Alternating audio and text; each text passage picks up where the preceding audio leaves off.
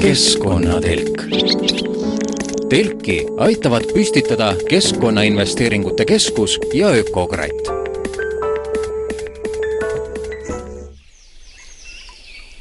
tere! eelviimane Keskkonnatelk ongi püsti, mina olen saatejuht Kadri Valner ja tänases saates vaatame nii ette kui ka taha.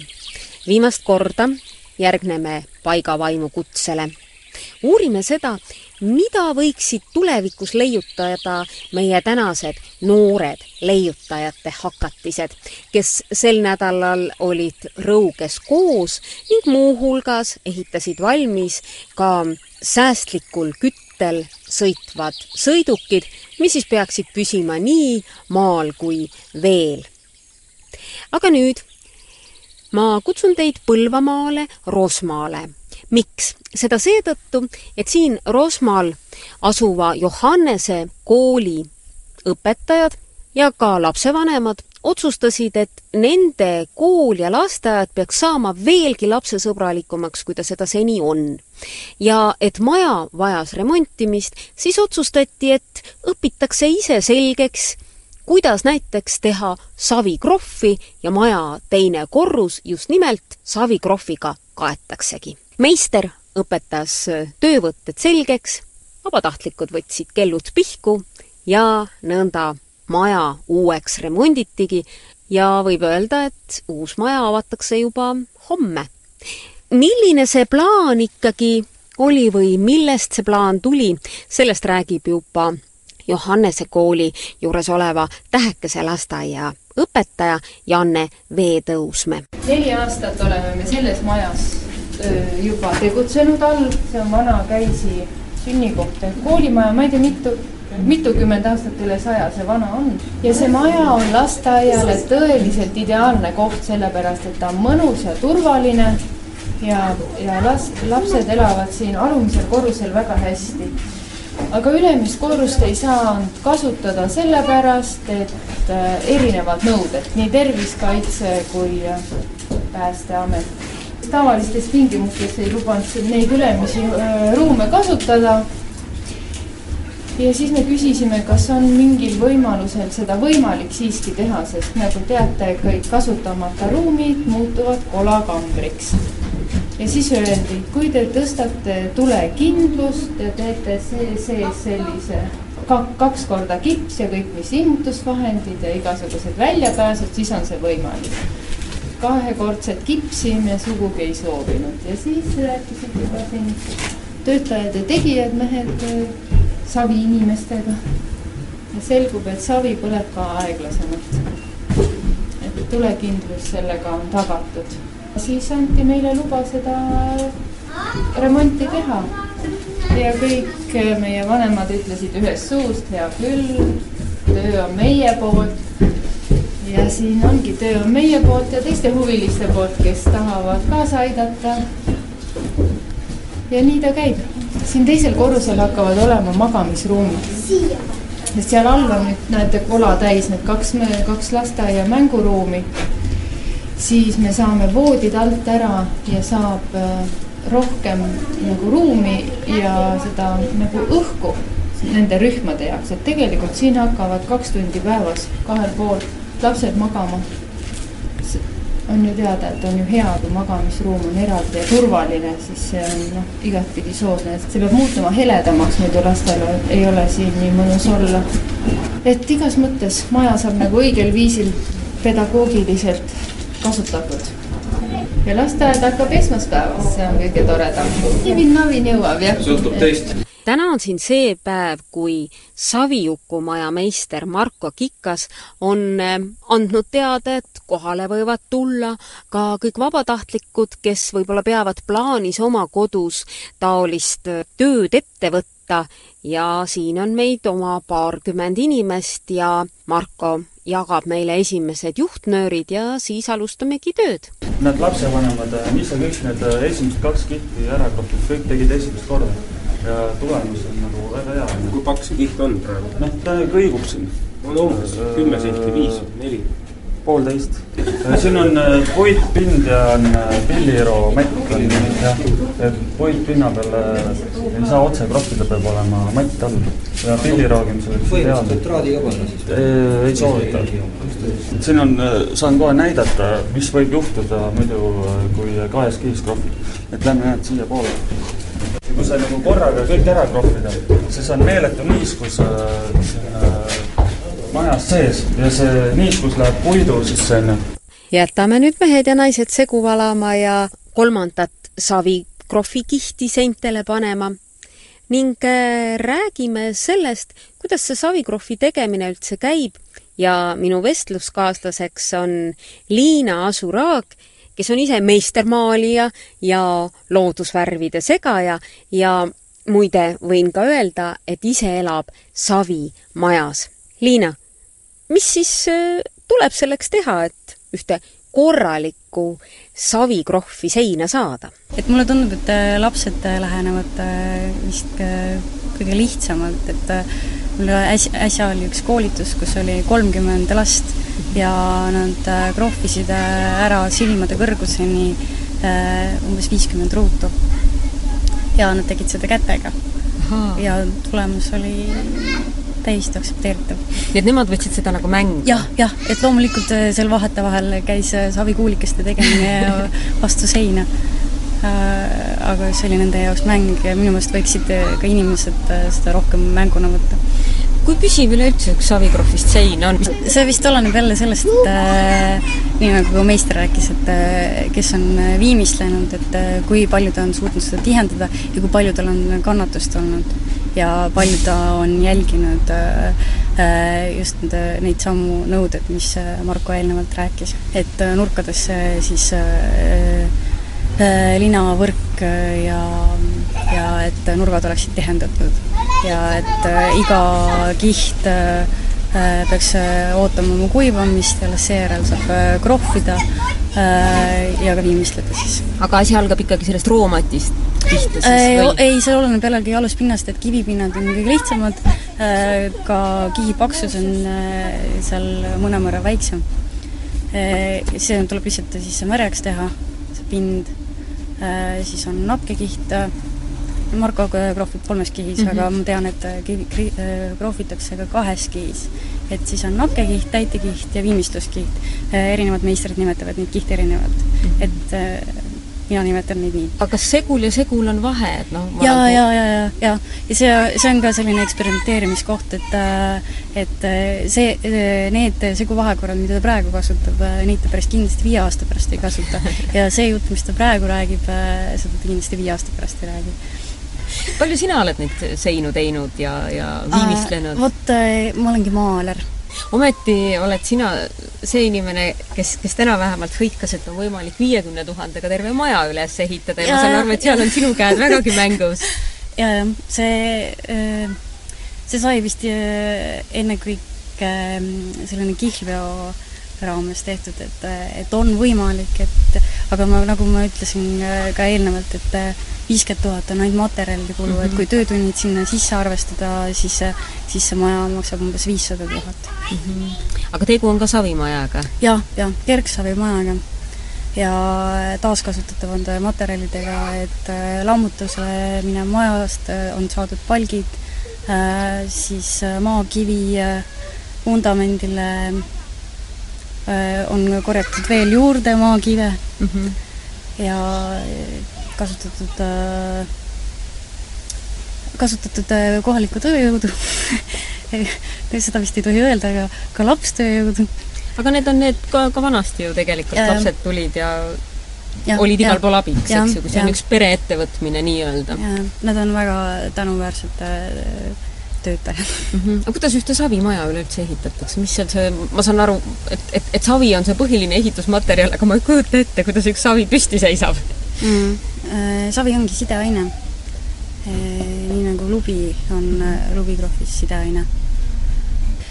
on puitkarkass, siis pannakse saalungid ja tambitakse siis savi ja hakkepuidu segu saalungite vahele. eelnevalt on see segu siis kas käsitsi segatud või siis masinaga segatud et mulle siiski tundub, et tänapäeva inimene on piisavalt laisk, et päris käsitsi seda teha. Mm. -hmm et jah, jah, tõepoolest meie esivanemad tegid seda käsitsi ja tegid hobustega, aga ja siis niimoodi see, seinad aina kerkivadki nagu rida-realt, et ja, käiakse.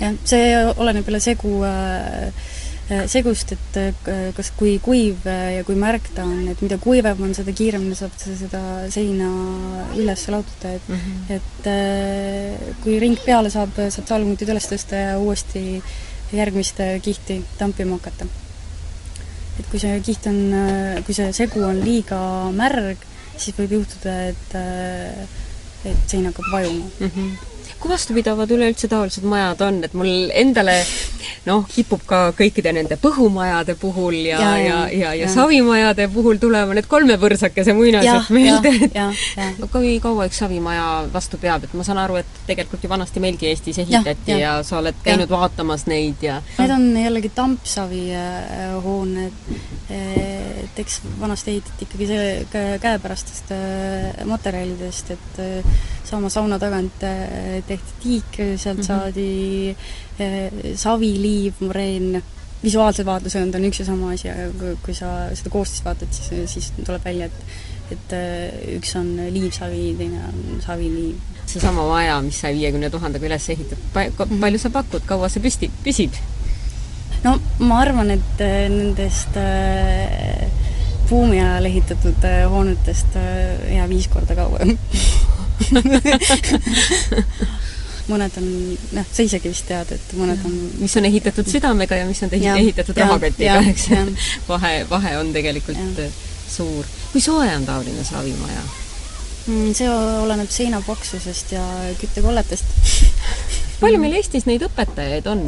suht kurb seis on, äh, meil ei ole neid õpetajaid eriti. Et äh, mõne üksiku Lõuna-Eestist leiad, ta on umbes äh, seitsekümmend kuni üheksakümmend aastat vana ja äh, ega nad suurt ei viitsi rääkida mm. -hmm. et see võib olla taoline asi noh, nagu näiteks Hiiumaal kahe inimese kiiktoolid, mille tegemise õpetajaid enam ei ole mm, -hmm. et mhm. see on nagu mm -hmm. ära kadumas, et, et kui ja. nüüd praegu ei oleks, ütleme, sind ja, ja veel paari inimest, et siis ja. oleks aga no Marko ütleb ka, et, et õige aeg oleks küsida talt mingi kahekümne, kolmekümne aasta pärast mm, -hmm. et ja täitsa võimalik, et, et juba viie aasta pärast on piinlik nende asjade pärast, mis me praegu teeme mm -hmm. ja nii aega edasi, see ongi see põhjus, miks meistrid vanaduspõlves väga suud lahti ei tee mm. -hmm. sa ise elad Savimajas? jah, ma ise elan. selles samas, mis tehtud sai? ahah. kas Savimaja hõng on on küll, on küll, isegi lõhn on teistsugune. kuna ma ise seal ees sees elan, siis ma võib-olla ei oska enam nii, niimoodi hinnata, aga kui meil külalised käivad, siis siis need ohhetavad ja ahetavad. aga siin on jällegi see teine, teine pool, et et meie vanemad omakorda ei oska seda hinnata, sest äh, eriti kui nad on maalapsed olnud, siis nad ongi sellistes tingimustes elanud ja ja nemad tahakski, et kõik oleks loodis ja kõik oleks noh, eluks seal plaadi all, et oleks kerge puhastada. et eh, noh, ega nad ei oska eriti selle hingamise koha pealt öelda.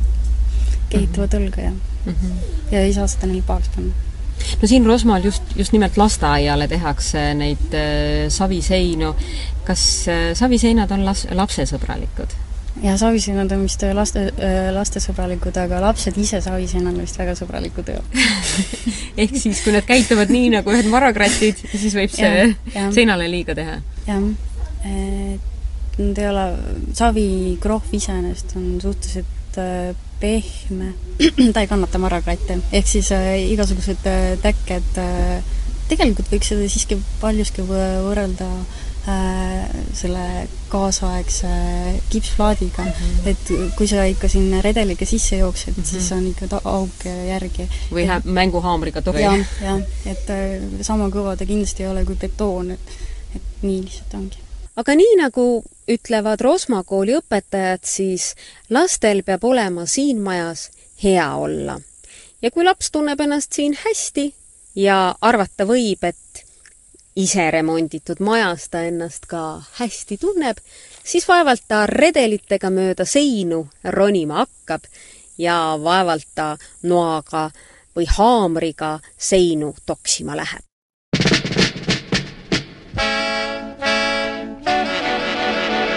keskkonnatelk lööb vaia maasse.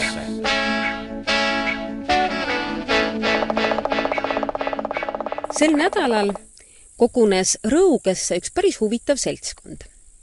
siia tulid need noored inimesed, kellest me tulevikus võiksime loota Eesti Nokia leiutamist või millegi veelgi suurema ja uhkema väljamõtlemist.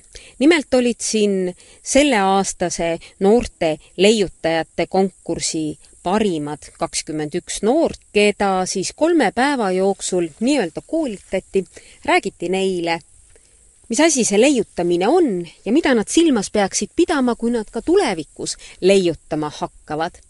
ja muuhulgas ehitasid need noored valmis ka üsna mitu tulevikumasinat, millega saab sõita nii maal kui veel ja mis peaksid olema looduse sõbraliku kütusega.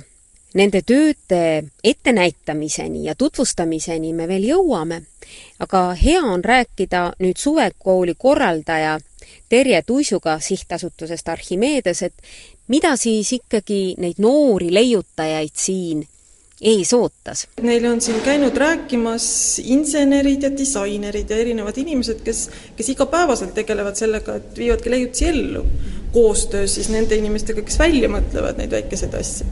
alates sellest, kuidas, kuidas leiutiste ideed sünnivad ja kust üldse mõtlema hakata, et mida vaja oleks kellelgi, kuni sinnamaani välja, et kui sul juba idee on ja see on juba vormistatud millekski, et siis kuidas seda patenteerida või mida selleks, mis need esimesed sammud on, mida selleks tegema peab. nii et terve see protsess on nagu terve see, terve see protsess on läbi käidud muidugi noh, sellisel suhteliselt pinnapealsel moel, aga põhimõtteliselt nendest sammudest on nad aimu saanud kaasa arvatud ka sellest, et, et seda ei saa teha üksinda. Mhm. et selleks, et äh, asjast, mingist mõttest saaks toode, selleks on sul vaja sinna inseneri kõrvale ja igasuguseid erinevaid tegelasi, võib-olla ka kedagi, kes turustaks sinu ideed pärast. et, äh, et seda tuleb teha meeskonnana. teine asi, mida neile on püütud siin õpetada, on see, kuidas meeskonnas tööd teha mis alguses tundus, et ongi kõige suurem probleem. et mõtteid on neil kõigil, et kõik nad on väiksed leiutajad siin. aga, aga see, kuidas äh, asju läbi rääkida ja siis nagu koos otsuseid vastu võtta ja üksteist kuulata ja et see tundus olevat selline nagu noh, probleem natukene.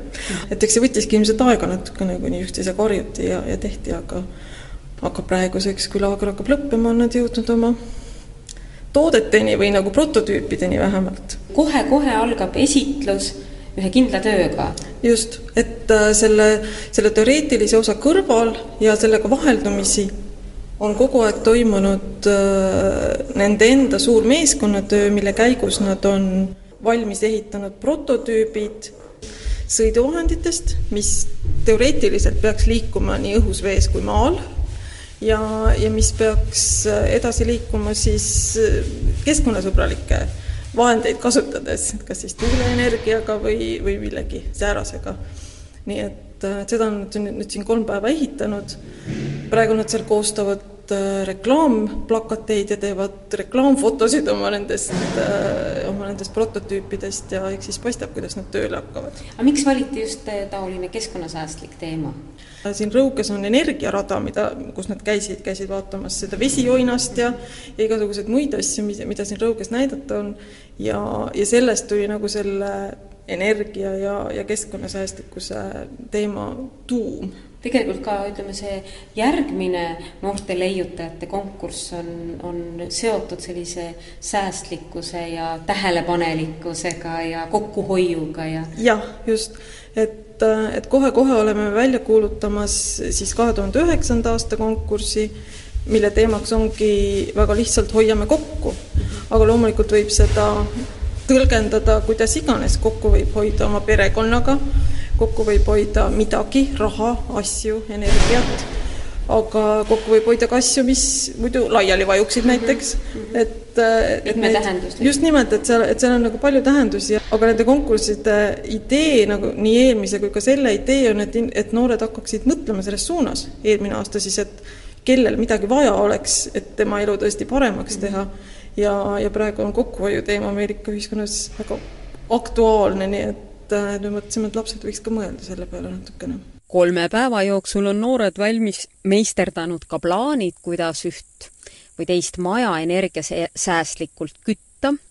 Ja võib kohe öelda, et siin on kasutatud nii päikeseenergiat, tuulegeneraatorit, on elektrijuhtmed külge pandud näiteks sigalasse, on inimesed rattasse jooksma pandud ja nii edasi ja nii edasi. aga nüüd hakatakse oma tulevikumasinaid tutvustama ja esimene töö näeb välja nagu uhke ratastel laev. seda äh, saab muidugi ka näiteks kuskil painutada või siis saab äh, teha mingeid, äh, mingeid üritusi sellega, et mingid sünnipäevad, suured sellised, siis saab looduses käia ja muidugi kõige tähtsam asi on see, et, et see on täiesti loodussäästlik, see, see, et see ei kasuta ühtegi, näiteks see ei kasuta bensiini ja see on, töötab põhimõtteliselt nagu elektriga, et Äh, siis äh, turistidele väga hea loodusega tutvumiseks, ei, ei tee eriti müra ja, ja väga hästi tal maastik on. Äh, väga mugav, turvaline ja, ja muidugi noh, see sai maininud, et selle jaoks on näiteks ehitatakse sellised spetsiaalsed teed, mis on, mis on üpris lai, see on maantee, noh, vist eriti emamõne, et metsa sees siis lõigatakse puud maha ja siis ta saab seal selles mõttes loodus ei no muidugi, et äh, no selle masina keskkonnasäästlikkuse üle peab küll natukene vaidlema. aga igal juhul võtame ette juba järgmise, mis näeb välja justkui teerull ja liigub nendest esitletud masinatest kõige kiiremini. brändi hüüdlause on, et äh, genial, kõige targem auto maailmas. sõidab ta päriselus vesinikumootori peal mis on põhimõtteliselt sama võimas kui ütleme, bensiinimootor näiteks. no muidugi kulub äh, vett palju. masinate seas on ka üks tilgakujuline sõiduriist, mis kannab ilusat pealkirja, ilusat nime, dünaamiline Diana. meie auto on selles mõttes kõige parem, et ta ei kasuta üldse ühtegi taastumata loodusjõud, jõudu see on roheline, erinevalt mõnest, millel on vaja puid maha võtta, ma ei tea, rabasi ära kuivendada, kõik tuleb ühte kuul maha võtta. meil saab see ka tõesti tavalise asfaldi ette. jah, et see ei ole nagu suurt probleemi, sellest ei tule. ja see on praegu nagu kabriolett tüüpi ja üsna selline nii-öelda blankauto, et siia juurde käiks veel igasuguseid lisasid, et on saadaval ka kõva katusega see ja siis oleks veel selline uks küljes, mis avaneb nagu lahti allapoole nagu kaldteeks. Ja kui tahab, siis saab selle muuta ka trepiks nagu. Ja tolle saab ka nagu lindina tööle panna, et kui näiteks ratastooliga on väga ebamugav minna, tõugates ülesse, siis kui lindi tööle panna, lihtsalt lükata lindi peale ja siis ta nagu lihtsalt viib ülesse tere. et jah, meil on siin mootor taga ja, ja meie hiiglaslikud rattad garanteerivad selle, et iga pööre on rohkem kiirust, kui ma ei tea, mõnedes autodes. ja konditsioneerimine ei ole meil nagu õhkjahutus. et praegu siin küll näha ei ole, aga muidu tuleks selline nagu kate siia peale, mis nagu püüab, püüab õhku ja see õhk läheb nagu mootorisse ja siis see jahutab. ja taga oleks ka nagu selline ava, kus see õhk välja saab minna, et ta nagu lihtsalt läheb läbi siit ja jahutab seda mootorit meie autos on viis inimest. ideaalne mereauto. sõidab kui ka vees. juhtimine oleks tal põhimõtteliselt nagu, on nagu helikopteril või sääne, et nagu kangiga liigutad ja igatpidi saab, ta liigub. Tundub, et laevakujulised masinad ongi meie tulevikuteedel need kõige säästlikumad, sest ette näidatud sõidukite seas on nii purjedega autosid kui selliseid, mis liiguvad justkui rataslaeva rataste abil ja vajadusel saab siis ratastega maa peal sõita. selle masinaga võivad sõita need, kes tahavad nautida loodust. sellega ei saa minna rabasse sõitma kohe kindlasti, kuna meie masin on liiga pikk ja liiga madal ja ta jääks sinna lihtsalt kinni. aga sellega saab sõita maanteel ja ka meres. meil on ette pandud valgustus, et saaks ka öösel sõita. Meil oli mõte panna masti otsa generaator, mis masin töötaks elekt-, töötab elektrimootori pealt. ainult tuulegeneraatori? jah, ja tahtsime masti otsa panna generaatori.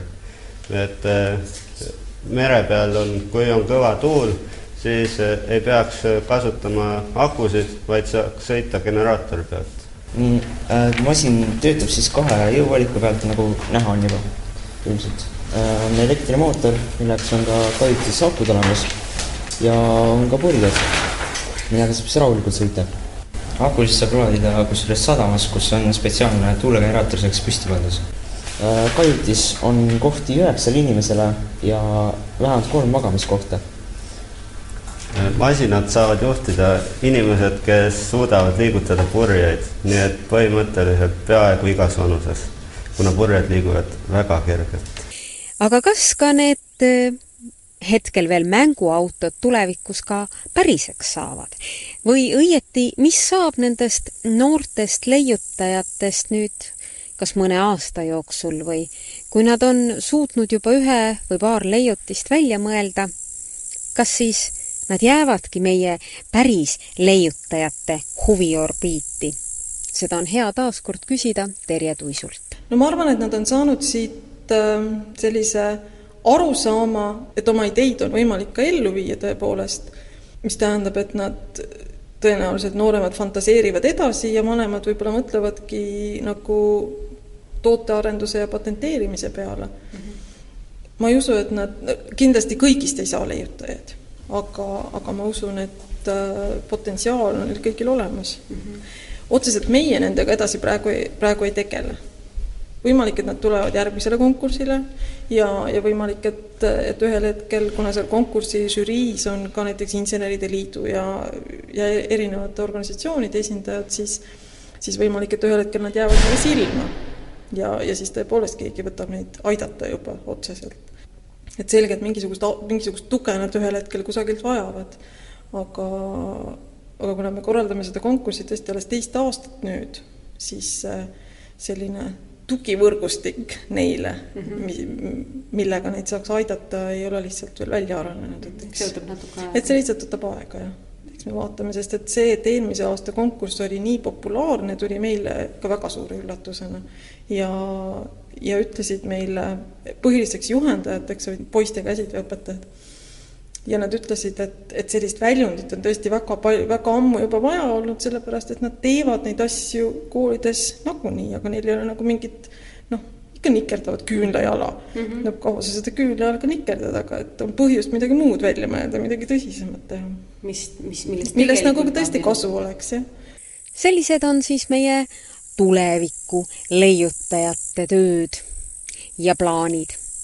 aga viimase aasta jooksul kord kuus on folklorist Marju Kõivupuu teid kutsunud järgima paigavaimu kutset ja teeb seda ka täna.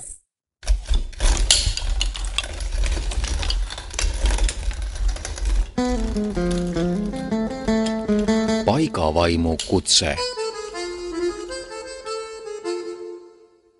tere kõigile Keskkonnatelgi kuulajatele.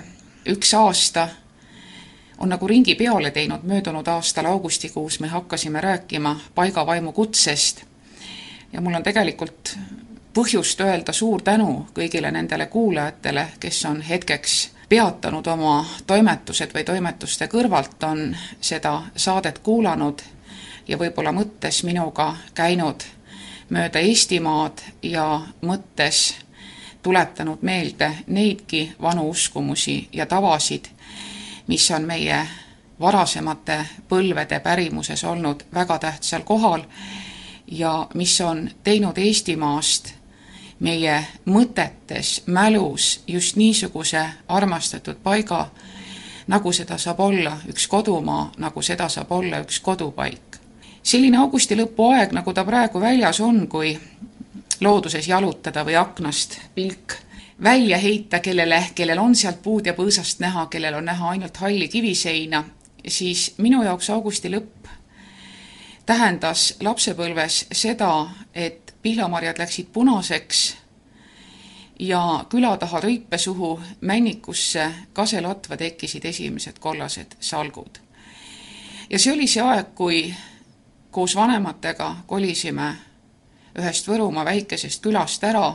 Nad olid väga noored inimesed ja ma saan nendest praegu juba aru, mida tähendas nende jaoks see, kui lapsi polnud kooli panna, mida tähendas see, kui keskusesse välja käia oli keeruline, mida tähendas see, kui kodus ei olnud elektrit. mina kolisin uude kohta, seda nimetati linnaks, ma ei olnud väga varem linnas käinud ja kuidagi kohutas see, et ma ei tohtinud kaasa võtta kõiki oma mänguasju mingi osa neist sai nii-öelda pidulikult maha maetud sirelipõõsa alla mis maja nurga taga kasvas. ma ei tohtinud kaasa võtta oma valget kassi, sest öeldi, et linnas ei ole looma jaoks kohta. ja linnas kõneldi natukene teistsugust keelt. seal ei räägitud enam iga päev võru keelt, räägiti eesti keelt ja ma pidin kuidagi harjuma sellega, et eesti keel, kirjakeel ei ole mitte ainult lasteraamatutes ja natukene suuremate inimeste raamatutes, vaid seda tuleb hakata rääkima omaealistega, seda tuleb hakata rääkima täiskasvanutega ja teinekord tuleb oma keelt isegi kontrollida, et sinna ei lipsaks sisse mõni selline võõras või naljakas sõna või mingisugune võõras või naljakas väljend. Läks, läks aega, mis läks ja mõnikümmend aastat tagasi hakkas kodupaik mind tagasi kutsuma hoopis teistmoodi. tegelikult enam-vähem niimoodi, nagu väga palju neid inimesi, kes on Võrumaalt ära läinud ja see kodupaik kutsus meid väga naljakasse kohta, see oli Tartu Ülikooli raamatukogu, kus igal kuu, ma ei mäletagi enam, mitmendal neljapäeval said kokku need Tartu linna inimesed, kes olid ühel või teisel viisil seotud Võrumaaga. Ja seal sündis ja Võrumaal käies, Võrumaa inimestega rääkides koos Eesti taasiseseisvumisega sündis Kaika suveülikoolide idee.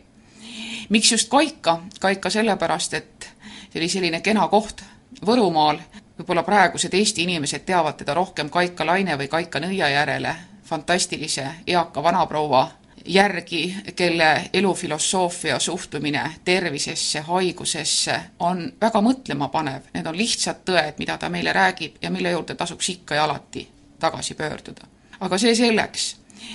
no vot, ja see Kaika suveülikoolide kokkusaamine, kus need inimesed, kes olid Võrumaalt ära tulnud väga erinevatel põhjustel, paraku on kord nii, et, et päris kõikide inimeste jaoks kõige väiksemates maakohtades tööd ei jätku või pole erialast tööd ja seda ei saagi kunagi olla, mis minu arvates nagu ei õigusta seda ka, mida siin paar aega tagasi ajalehtedes räägiti või millest kirjutati, et kusagil taas üks kooliõpetaja oli öelnud, et minge ruttu ja nii kaugele kui võimalik siit kodunt ära, et siin ei ole teil midagi teha. et alati on olnud neid, kes on jäänud ja kes on püüdnud seda ühte või teist paika Eestimaal elus hoida, kes on teinud külaelu arenguks ühte kui teist. Ja on ka neid, kelle tiivad on kasvanud ehk pisut tugevamaks, kes on pesast välja rännanud, aga kes ikka tulevad tagasi ja oma teadmistega tahavad kodukandi hüvanguks midagi ära teha. No vot, ja see paarkümmend aastat tagasi oli selline aeg, kus me ei kujutanud ettegi, et noh, võru keelest rääkides võiks rääkida nagu keelest, sest kõik, kes keele uurimisega tegelevad, teavad, et mis see keel ikka üks muud on kui üks murre, millel on sõjavägi ja laevastik. ja nendes Kaika suveülikoolides, mis on siis toimunud viimase ümmarguselt paarikümne aasta jooksul erinevates Võrumaa paikades, on kohalikud inimesed tutvustanud seda kanti või maanurka Võrumaast, kuhu võib-olla teise Võrumaa nurga inimesed ei satu, on rääkinud oma keele eripäradest, on räägitud muredest, rõõmudest ja selle kahekümne aasta jooksul on saanud suureks needki praegused Kaika suveülikooli ja võru keele ja kultuuri eestvedajad, kes toona olid õige väiksed lapsed ja nüüd võtavad kaasa nendel üritustel oma lapsed.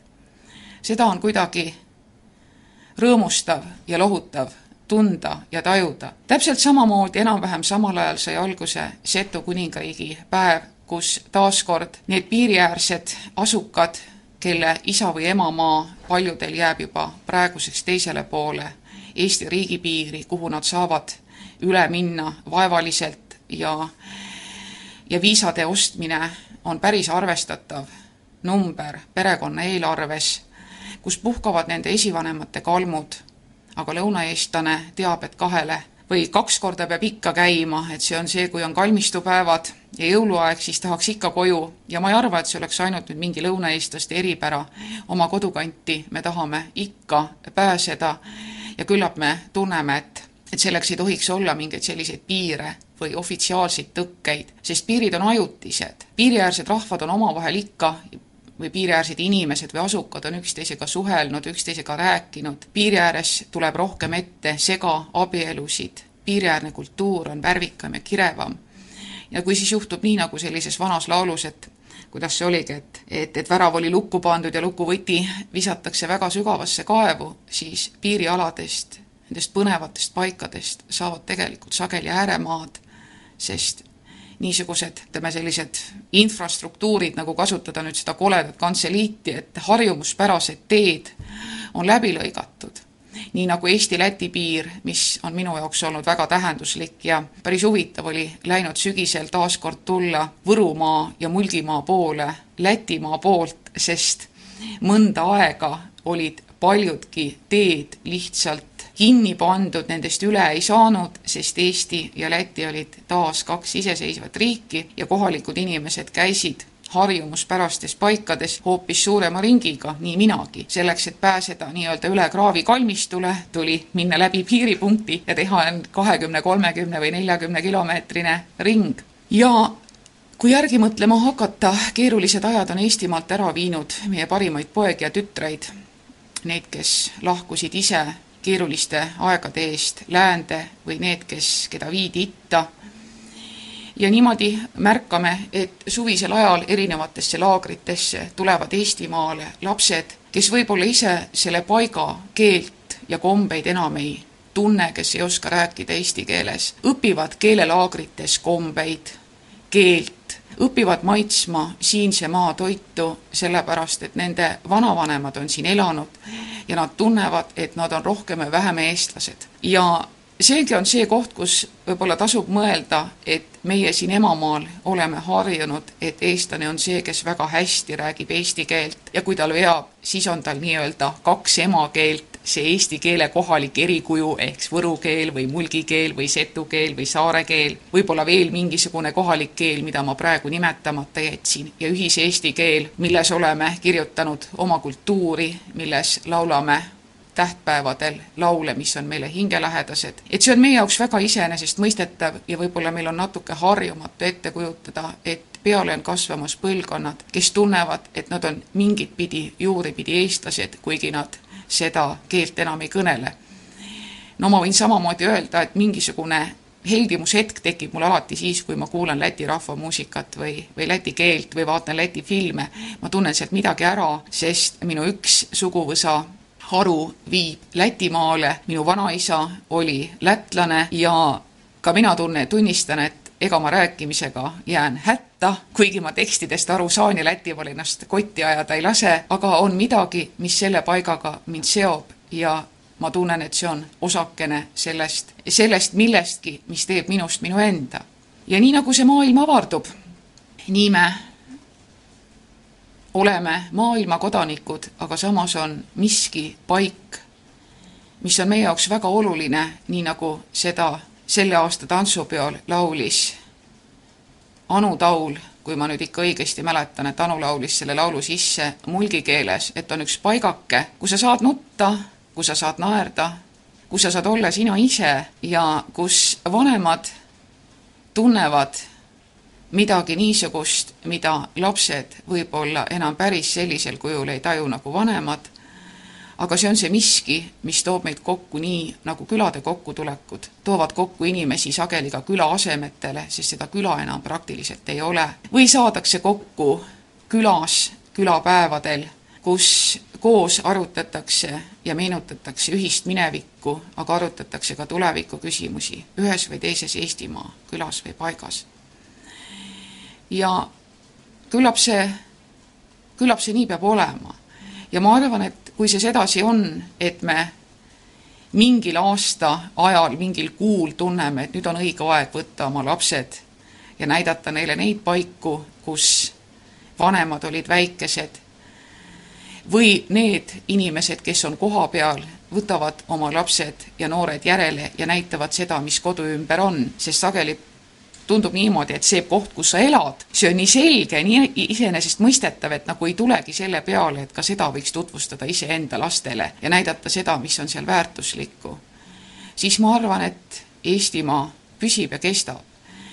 ja kindlasti ei maksa karta sedagi, et võtta Eestimaal midagi ette, ma olen praegu täheldanud niisugust suunda ka, et ei juleta maakohtades arendada elu, sellepärast et paljud ehitised, hooned, kohad on ühel või teisel seo-, viisil seotud kas looduskaitse või muinsuskaitsega ja meil ei ole enam päris praktilist ko-, meil ei ole praktilisi kogemusi, kuidas toime tulla mere ääres, kuidas ehitada endale kodu sisemaal, see vajab natuke õppimist ja see vajab natuke ehk harjumist ja see võib-olla vajab ka natukene sisemist enesekindlust ja julgust tunda ennast selle maa peremehena, aga kindlasti see vajab natukene enesesse süve, süvenemist, süüvimist, võib-olla natukene õppimist, võib-olla lugemist, et mitte jäljendada seda, mida tehakse mujal maailmas,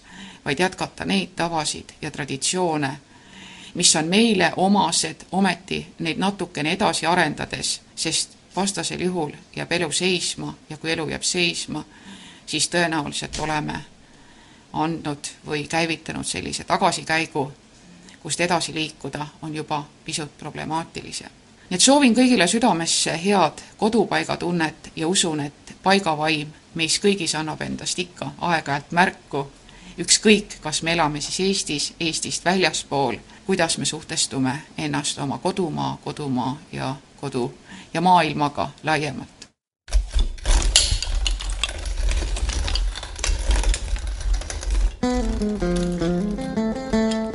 paigavaimu kutse.